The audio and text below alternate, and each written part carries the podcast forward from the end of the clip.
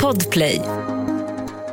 Du lyssnar på Politikrummet, Expressens podcast om svensk politik. Blir det den här veckan vi går med i NATO och vem vinner budgivningen om bensinen? Det reder vi ut idag, så häng med.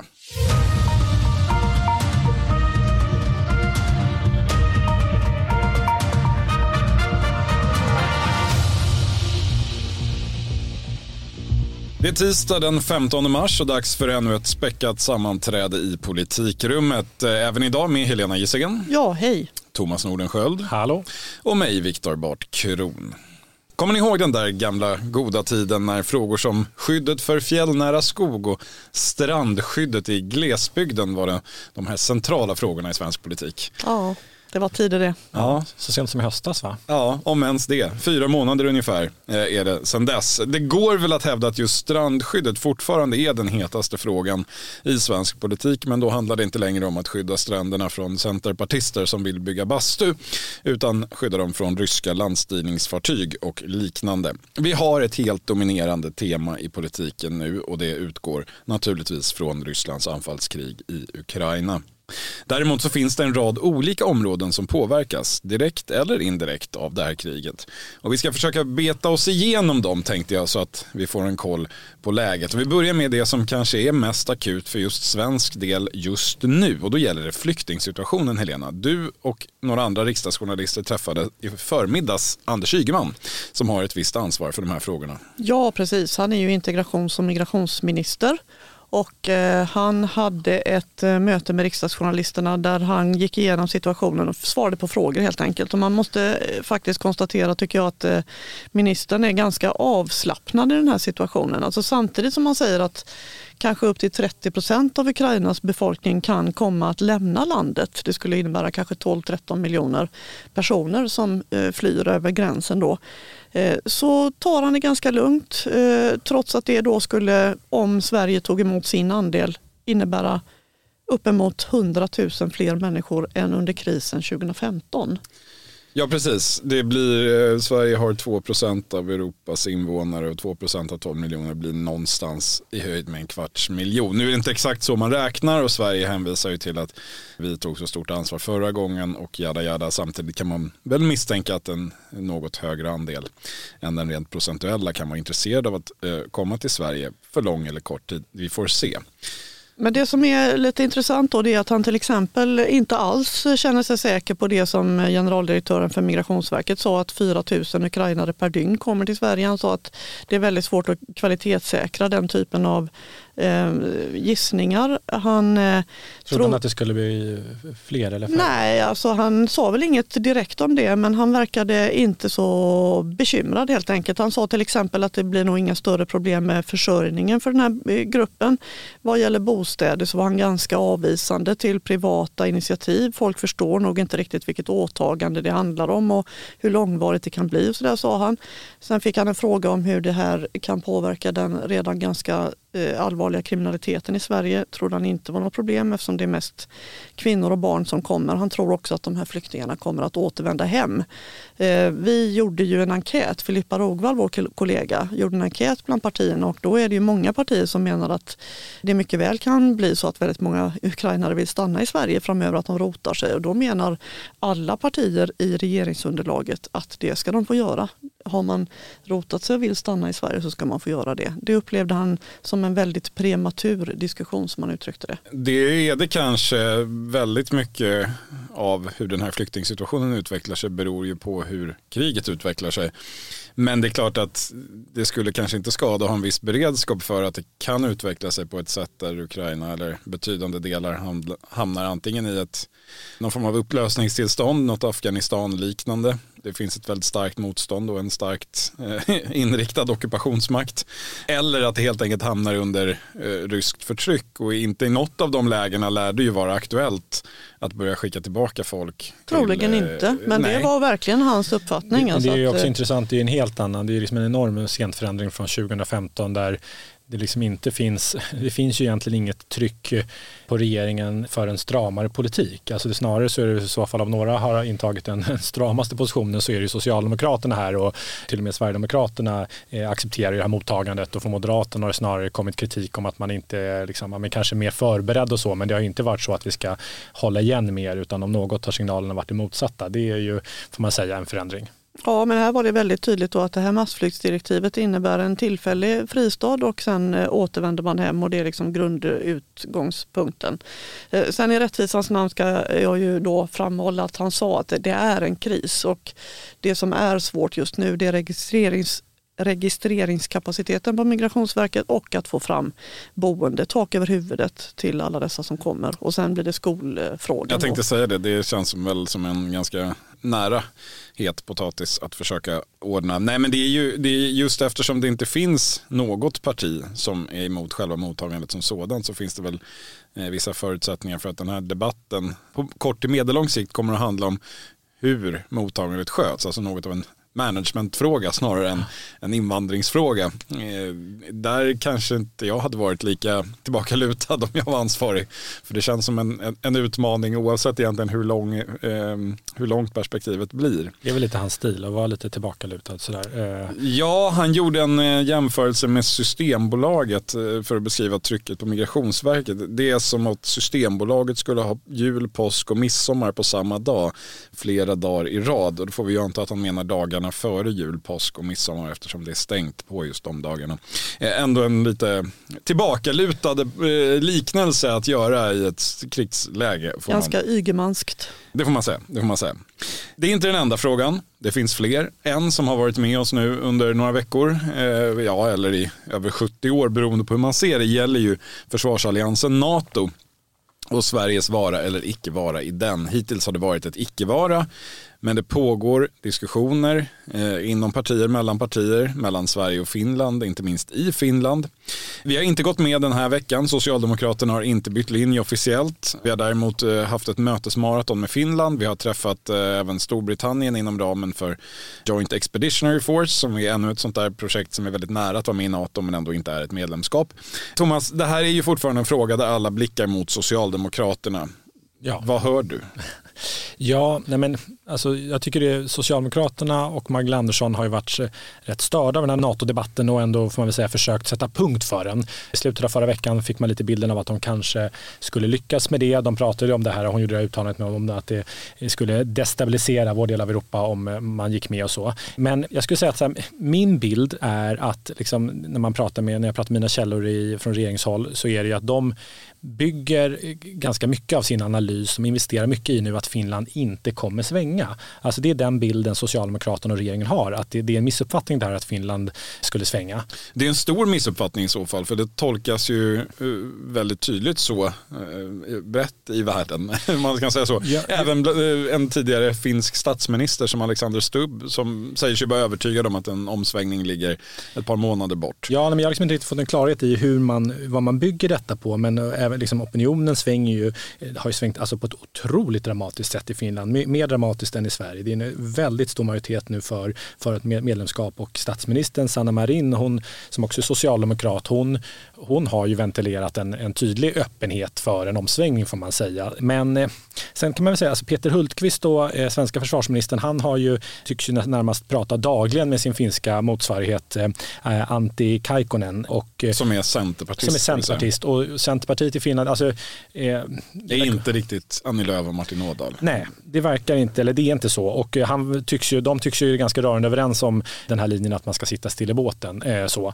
så det kommer lite olika signaler ska man säga från den finska regeringen. Men det är ju nej, men det är tydligt ju att Socialdemokraterna än så länge har, liksom, ja, man har om möjligt liksom, man har bundit ganska hårt vid, vid den här linjen som bygger mycket på att Finland inte svänger. Skulle Finland svänga, ja, men då riskerar ju man ju därmed att få vissa problem. Från, för någon vecka sedan så spekulerade vi ju lite grann här i podden om huruvida de kan prata öppet om de här frågorna och det kan de väl naturligtvis inte göra. Man tänker sig att, att det finns en tankegång i den svenska regeringen om att man ändå ska öppna för ett medlemskap så kan de inte riktigt säga det. Men det motsägs ju av att hon har varit så tydlig, att hon har sagt just det här med att det, det skulle vara destabiliserande. Det har ju du också liksom konstaterat då, att man stänger dörren på ett sätt som kanske är, man slår igen Men, och, och, ja, och får jag tolka det Thomas så låter det ju som att man vill inte att Finland ska ändra sig. Man nej, trivs men... i den hållning man har. Eller, var, nej, eller, ja, eller nej, har det... man någon uppfattning överhuvudtaget? Nej, men det hävdar man ju att man inte har. Men det får man väl ändå säga att eh,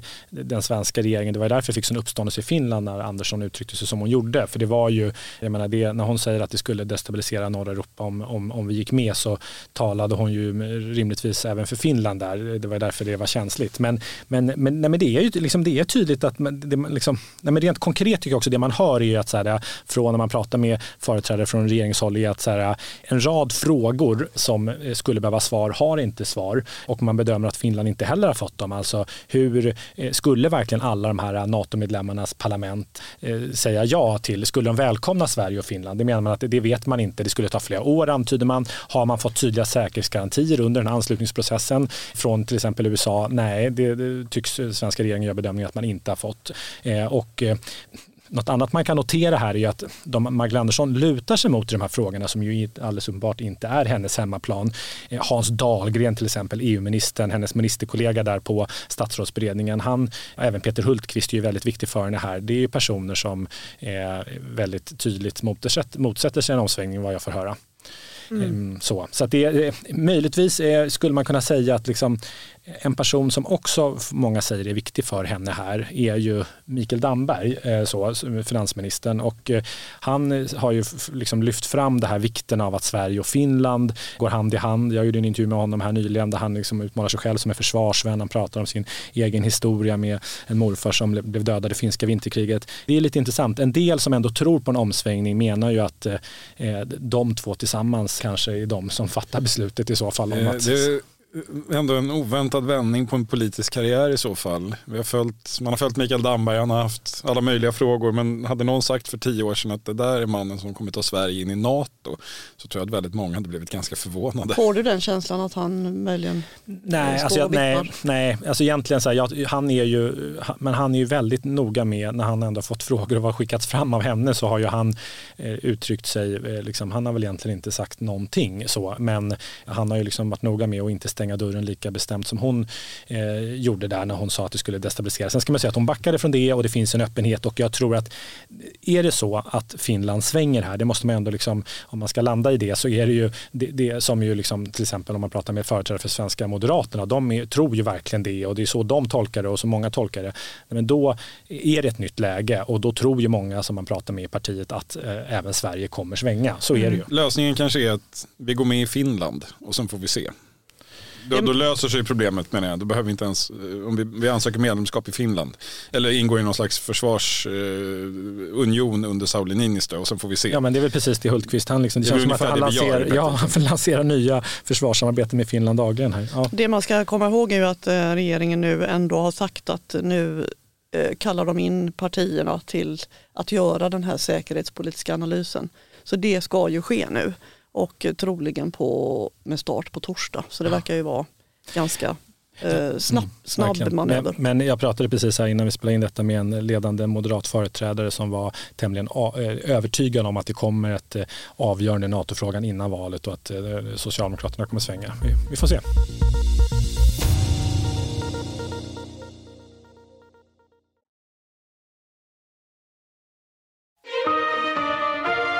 90-talsinflationen är här, ropar tidningen Dagens Industri på sin första sida idag.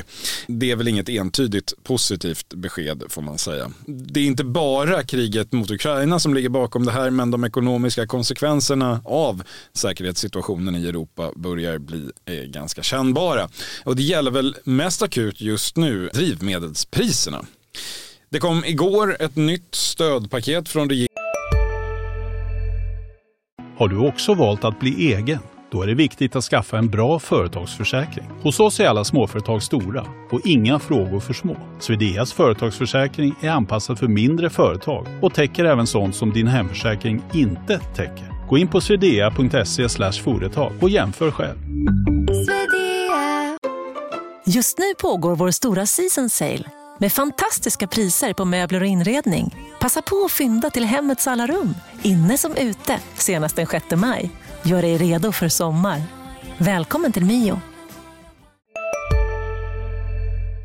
Regeringen, eh, i alla fall beskrev man det så. Mikael Damberg, nya finansministern, var det som presenterade det. Helena, vad handlade det om nu då? Ja, det var ju ett stort paket. Det omfattar 14 miljarder kronor totalt och det handlar ju då om att sänka skatten på drivmedel så att bensin och diesel skulle bli 1,30 eh, billigare vid pump utöver redan beslutade 50 öre. Man har tänkt sig att se över reseavdraget. Det finns inget färdigt förslag ännu där som vi har fått se i alla fall. Man fryser reduktionsplikten, alltså det här kravet på att blanda in miljövänligt bränsle.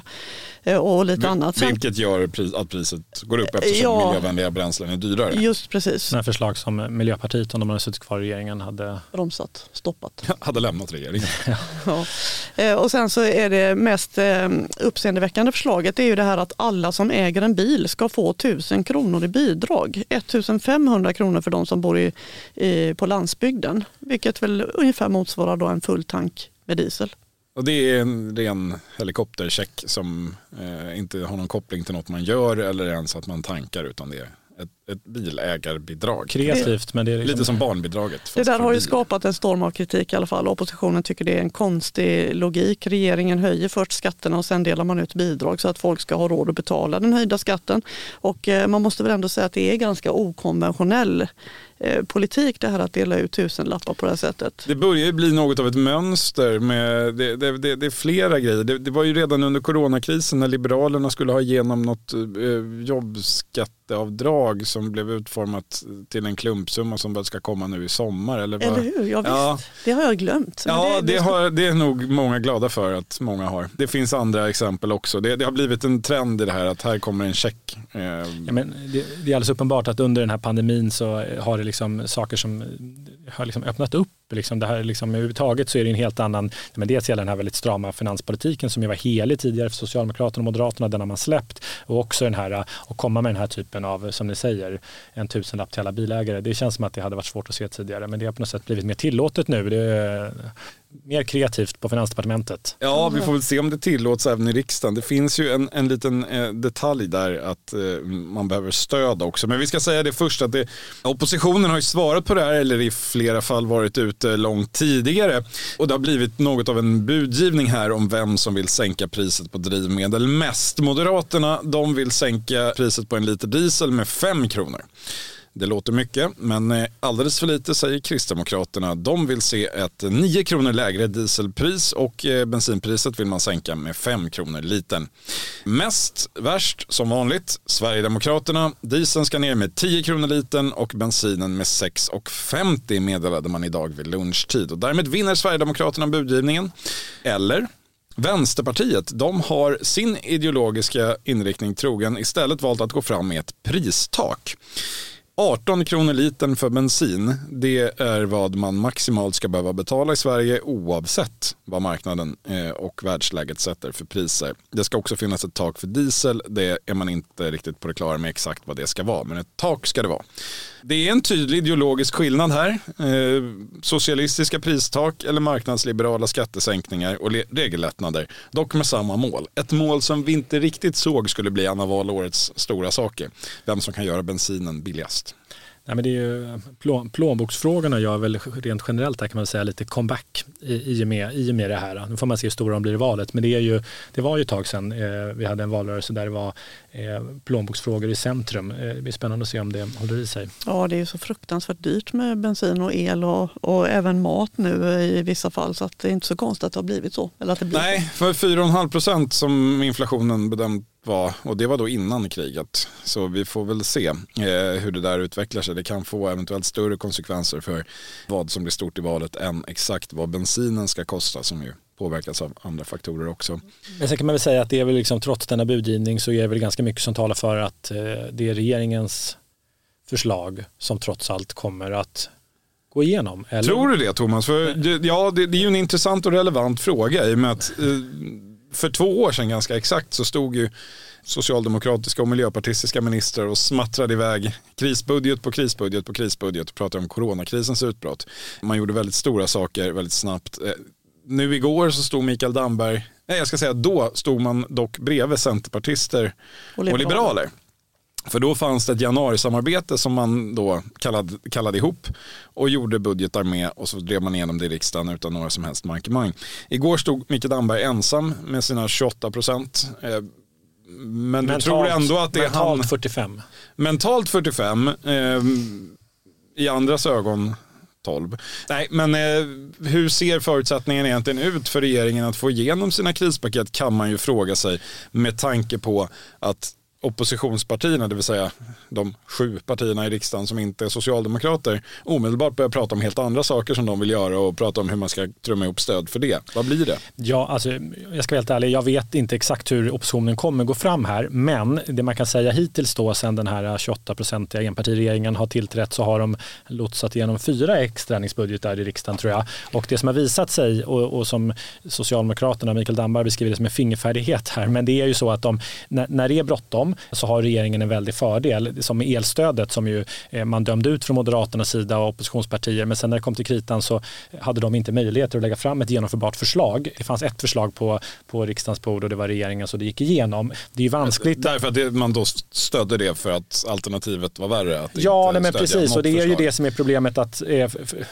jag vet inte, vi får väl se vad, vad oppositionen, eh, hur, liksom, om, man kan här, om man kan gå fram med förslag som, som skulle kunna vinna. Men det har ju under den här pandemin nu och vi har sett på under de här vintermånaderna, vi såg det med elstödet och andra fall att det har varit svårt för oppositionen att kunna ta fram så snabbt eh, genomförbara förslag som regeringen sen ska implementera. Samtidigt kan man ju notera då att han stod där på presskonferensen igår och eh, vädjade till övriga partier att eh, stötta den här, det här garantitillägget, Nooshi-tillägget som vi kallar det här i podden och som även Vänsterpartiet kallar det. Tusen kronor till pensionärerna. Eh, som nu plötsligt är förvandlat till någon form av krigsstöd ja, några det, månader senare. Och socialdemokratisk politik. det, här, alltså, det, här, det här är då alltså en, en reform som, som man uppfann sent på kvällen innan en statsministeromröstning och som eh, enda anledningen till att Socialdemokraterna driver förslaget är att Magdalena Andersson skulle kunna väljas till statsminister då med en rösts marginal. Nu är det ett krigsstöd vilket väl är något av den där fingerfärdigheten kanske som du pratar om Thomas. Ja, så är det. Eh, jag tycker man, väl, man kan väl säga här att det, det här ändå vittnar lite om hur svårt det är att vara opposition, en, en riktig opposition i, i kris. Och det leder till, jag, jag tycker, man hör att det är lite frustrerat i, i, eh, i oppositionsleden. Det är ju inte bara det här, det, det är mycket som, eh, som går dem emot. Ja, nej men verkligen. Det, eh, jag tycker man har pratat med eh, rätt många eh, ledande företrädare från Moderaterna och Kristdemokraterna och andra partier som uttryckt, uttryckt en viss frustration. Å ena sidan så tycker man ju, så framhåller man att man tycker att Magdalena Andersson inte alls klarar det här särskilt bra, att hon visar att hon minsann inte har någon diplomatisk fingertoppkänsla. Samtidigt så bara rusar hon i opinionen och, och just det här faktumet som jag tror vi, vi var inne på det här med att Socialdemokraterna står där och kan liksom liksom verka som om de var ett 45 parti igen. De lyckades bli av med Miljöpartiet vilket har visat sig vara en väldig fördel för Socialdemokraterna nu. Sossarna är väldigt glada över det. Jag tror att det skapar viss frustration. Det gör ju att eh, Socialdemokraterna har väldiga möjligheter här att eh, vara pragmatiska och ta olika förslag från Moderaterna och sänka skatter på bensin och drivmedel som man inte hade kunnat göra annars. Nej, men det, för det är ju lite det som händer här. Alltså på ett sätt får ju oppositionen till höger väldigt mycket gehör för sin politik den här våren, får man ju säga. Ja, det är verkligen. Det är moderata... Men de får inte betalt av väljarna Nej, de får inte betalt av väljarna och eh, varken på kort eller, eller lång sikt verkar det som. Men eh, eh det, det, det, måste vara ett, nästan ett märkligt läge. De, de, får precis så mycket politiskt inflytande som de, som de önskar sig. Men, men det, det leder ingen vart. Tänker det för, för Liberalerna som har varit för NATO hur länge som helst och som eh, har tyckt att den här gasledningen från Ryssland absolut aldrig borde ha byggts och så vidare. och så vidare. Mm. De ligger kvar och skvalpar. Ja, till och med den, den enda mätning som har publicerats som, efter krigsutbrottet och före denna podds inspelning det var en demoskopmätning där backade Liberalerna eh, ordentligt i den mån man kan backa ordentligt med deras grundantal. Eh, och det, det, det, världen är inte rättvis för nog alla, eh, och det har Jan Björklund sagt själv, alla, var, alla gjorde bort sig om försvaret från början. Men Liberalerna var ju trots allt först med att prata om upprustning. Men det är ingen som kommer ihåg eller?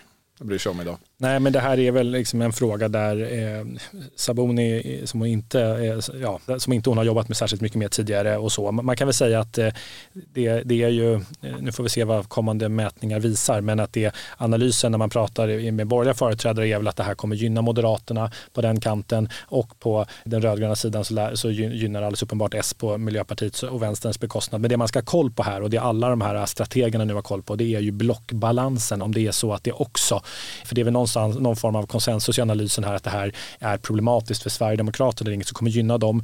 Tappar de till bara till Moderaterna så är det inte någon fara för Moderaterna. Men däremot är det så att de också kommer tappa väljare till Socialdemokraterna. Magdalena Andersson här med hennes väldigt höga förtroendesiffror. Då är det bekymmersamt. Man märker att det finns en oro ändå i, i, i borgerliga lägret att vi ska gå in i en valrörelse där Socialdemokraterna är ett 30 parti.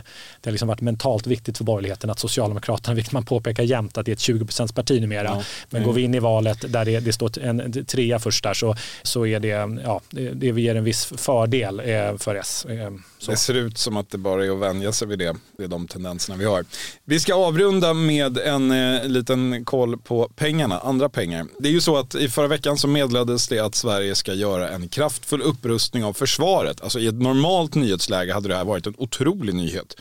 Vi ska alltså satsa långt mycket mer än det som redan var planerat, vilket var en ökning i sig. Så snart som möjligt ska vi nå 2% av BNP i försvarsutgifter. Kanske framstår som ett lite märkligt mål men just på försvar och bistånd så, så har man ju sådana mål.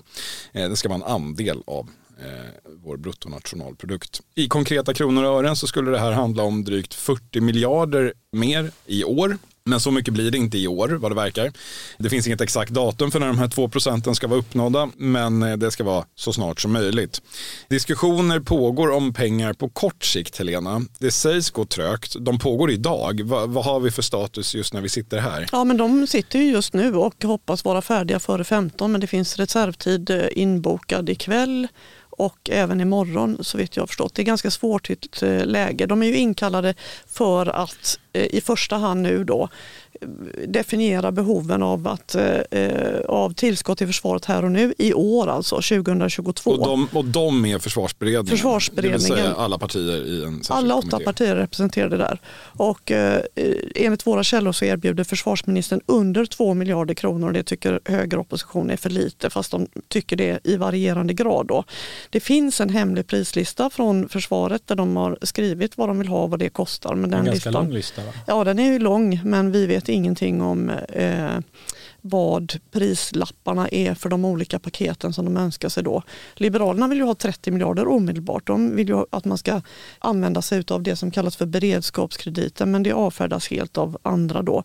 Det här du pratar om 2% av eh, BNP, det anser de flesta som jag har pratat med att det kommer i nästa steg. Nu handlar det om miljarder som eventuellt läggs i vårändringsbudgeten eller nu i en extra ändringsbudget. Så att det är liksom akutpengar. Det är möjligen lite förvånande ändå att, eh, att regeringen håller igen så mycket om man ändå, när man ändå sänder ut signalen när Mikael Damberg säger att man ska ta och bränna på och sådär och snabbt komma upp i försvarskapacitet. Då hade man kunnat tänka sig att eh, man snarare skulle vara lite framtung och lägga mer nu om man vill ha resultat snabbt. Ja i alla fall ge försvaret vad försvaret vill ha tänker man ju. Men eh, det är en förhandling som pågår och och eh, ja, eventuellt idag och kanske imorgon får vi veta hur det har gått då.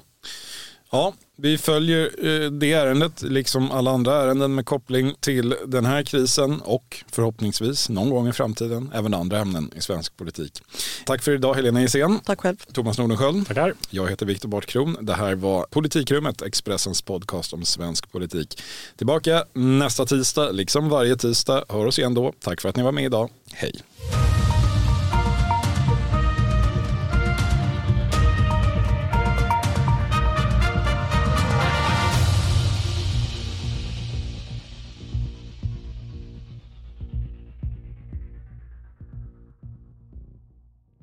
Du har lyssnat på en podcast från Expressen. Ansvarig utgivare Klas Granström. CSRD, ännu en förkortning som väcker känslor hos företagare. Men lugn, våra rådgivare här på PWC har koll på det som din verksamhet berörs av. Från hållbarhetslösningar och nya regelverk till affärsutveckling och ansvarsfulla AI-strategier.